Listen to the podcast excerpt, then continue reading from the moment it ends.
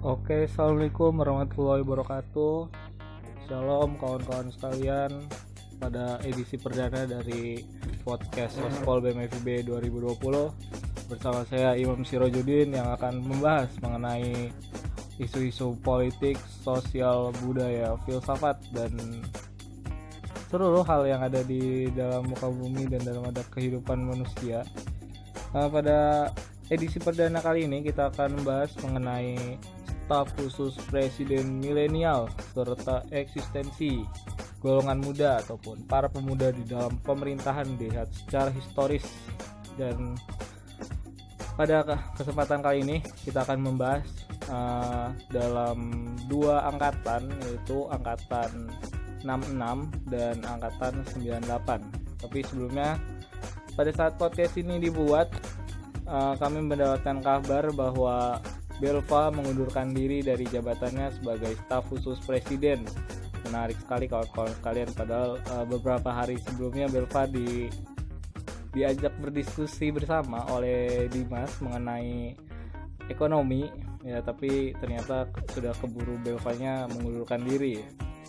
Tapi menarik asumsi-asumsi publik mengenai uh, mengundurkan dirinya Belva ada yang berkata bahwa sebuah langkah yang baik dan bisa dibilang gentleman karena dia tahu diri.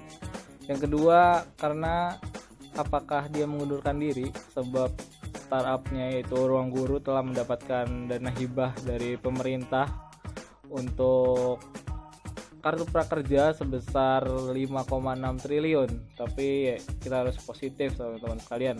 Harus tetap positif thinking bisa saja Belva uh, ingin Indonesia lebih baik dengan dia mengundurkan diri. Ya langsung saya masuk pada pembahasan staf khusus milenial. Pada awal kemunculannya kita merasa bahwa dengan adanya mereka di pemerintahan bisa dijadikan angin segar karena sebab uh, kita inginkan bahwa para milenial-milenial ada di dalam pemerintahan untuk membawa keresahan-keresahan dan membuat inovasi-inovasi baru untuk kemajuan bangsa. Tapi itu hanya sebuah utopia belaka karena ternyata kelakuan mereka sama ternyata kolonial sama seperti dengan para petinggi-petinggi dan tetua-tetua yang mereka yang masih eksis yang hanya mementingkan diri mereka sendiri yang hanya mementingkan kelompok mereka sendiri. Tapi jika dilihat secara historis uh, tidak kali ini saja kelakuan-kelakuan para milenial atau para pemuda-pemuda ya kolonial kolonial pada tahun 1966 uh, pada akhir tahun 1966 pemerintahan mengadakan pembaruan di parlemen.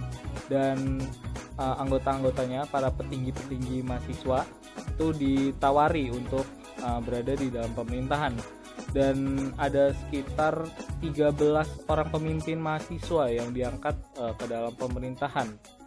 Dan, dan akhirnya mereka naik ke dalam pemerintahan tapi mereka malah berfoya-foya.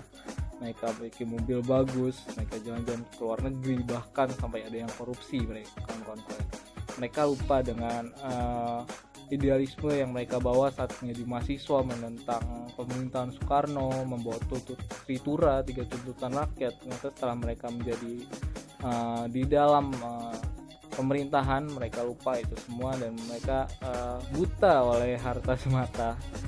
Dan yang kedua ada angkatan 98 yang saat ini masih eksis berada di dalam pemerintahan seperti Bung Budiman, Bung Fahri dan kawan-kawannya uh, ya kedua orang tersebut pun masih uh, attack dan defend ya di lini masa media sosial dan di lini masa TV maupun di dalam pemerintahan. Menarik sekali sebuah pertanyaan besar apakah idealisme seseorang akan hilang jika mereka masuk ke dalam pemerintahan? Ini pertanyaan yang cukup menarik kawan-kawan sekalian. Dan mengapa itu bisa terjadi di saat mereka uh, di masa mahasiswanya sangat idealis, sangat progresif untuk menentang pemerintahan. Tapi saat ini mereka berada di dalam lingkaran tersebut, mereka lupa dan mereka uh, tidak membela kebenaran-kebenaran yang seharusnya mereka bela. Ya mungkin uh, itu aja yang dapat kami sampaikan. Padahal udah bagus ya semoga para uh, orang-orang uh, yang berada di pemerintahan para pemuda-pemuda ataupun angkatan-angkatan mahasiswa yang dulu progresif lebih sering untuk mendengarkan daripada berbicara sebab Tuhan Tuhan menciptakan satu mulut dan dua telinga agar manusia lebih banyak mendengar daripada berbicara. Mungkin itu saja yang dapat saya sampaikan. Kurang lebihnya mohon maaf.